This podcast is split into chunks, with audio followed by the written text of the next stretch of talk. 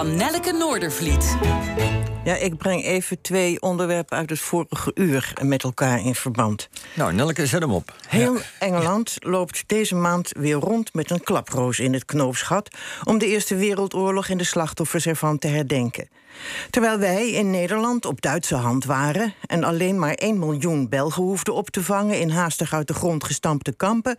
sneuvelden in de loopgraven miljoenen jongens en mannen uit Engeland, Frankrijk, België en Duitsland.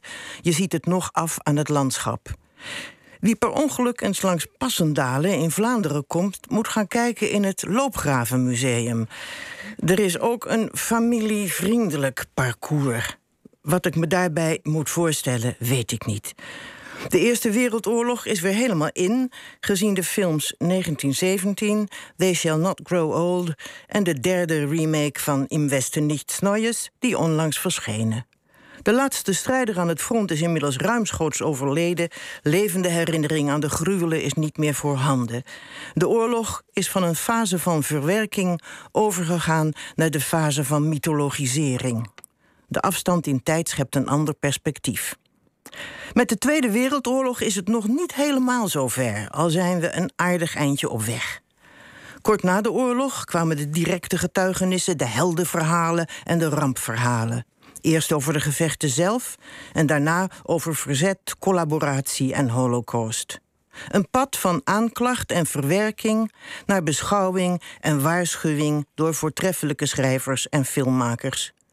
Het beeld van de oorlog graaft diep, is niet eenduidig, roept steeds vragen op, laat alle nuances van grijs en gruwel zien vanuit vele perspectieven. Maar in Nederland beschouwen we de gladde heldenfilm Soldaat van Oranje naar de ook al geromantiseerde autobiografie van Erik Hazelhoff Rolfsema als bijzonder erfgoed. Hij komt in het Dutch Register van het Memory of the World project van UNESCO en verkeert in gezelschap onder andere van de unieke bibliotheek Chaim, het dagboek van Anne Frank en het archief van Aletta Jacobs. Nou, dat mag allemaal van mij. Maar ik heb bezwaar tegen de motivatie voor deze uitverkiezing. Die luidt dat boek Film en Musical, volgens de commissie die dat in Nederland mag zeggen, het beeld van de Tweede Wereldoorlog in Nederland hebben gevormd. Nou, ik vat het verhaal in één zin samen. Twee Leidse korpsstudenten roeien naar de koningin in Londen om vandaar het verzet weer te gaan helpen.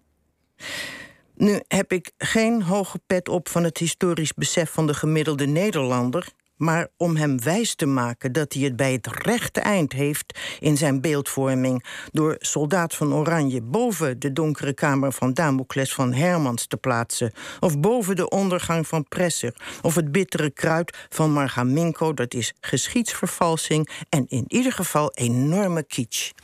Ja, Nelleke, dankjewel. Dit laat aan duidelijkheid niets te wensen over, zeggen wij dan. Hè? Ja.